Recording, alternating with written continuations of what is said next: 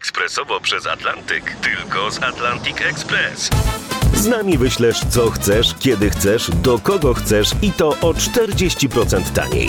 W Atlantic Express wysyłamy wszystko, co chcesz. 1 800 775 7363. Mienie przesiedleńcze, kontenery, paczki do Europy. Atlantic Express to 30 lat doświadczenia i o 40% niższe ceny na wysyłki kontenerów, samochodów i paczek. Ekspresowo przez Atlantyk tylko z Atlantic Express.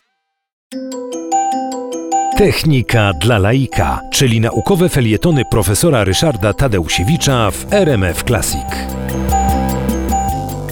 Pierwszym Amerykaninem, który dotknął kosmosu, ale nie był na orbicie, tylko miał tak zwany lot suborbitalny, to był Alan Shepard. Bardzo dzielny i bardzo odważny człowiek, również ten, który poleciał na Księżyc po katastrofie Apollo 13, kiedy ta załoga omalże nie zginęła.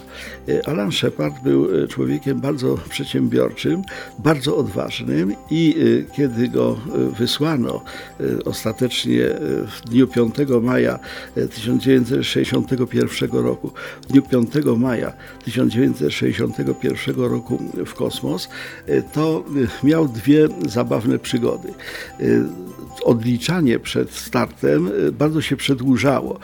Po pierwsze ze względu na te złe warunki atmosferyczne, po drugie co chwilę coś się psuło. Wobec tego na szczycie tego wulkanu, jakim jest w końcu każda rakieta, która ma wystartować, był człowiek zamknięty w maleńkiej kapsule. Wokół niego były tylko pojedyncze centymetry miejsca, bo te kapsuły amerykańskie były bardzo ciasne. Natomiast no, on tam siedział w tej kapsule ponad 4 godziny, czekając na to, aż go wreszcie wystrzelą, no i być może zginie.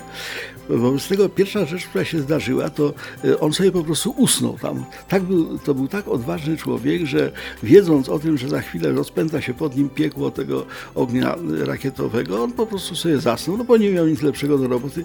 Sługa naziemna uwierzyć w to nie mogła. Okazało się, że rzeczywiście po prostu sobie spał.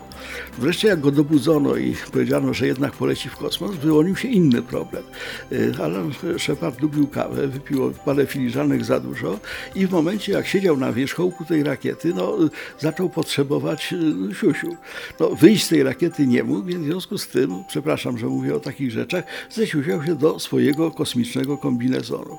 No, specjalnie szkody wielkiej nie było, ale cała aparatura, którą był oblepiony, elektronika, miała zwarcia i właściwie o jego stanie zdrowia bardzo niewiele wiedziano.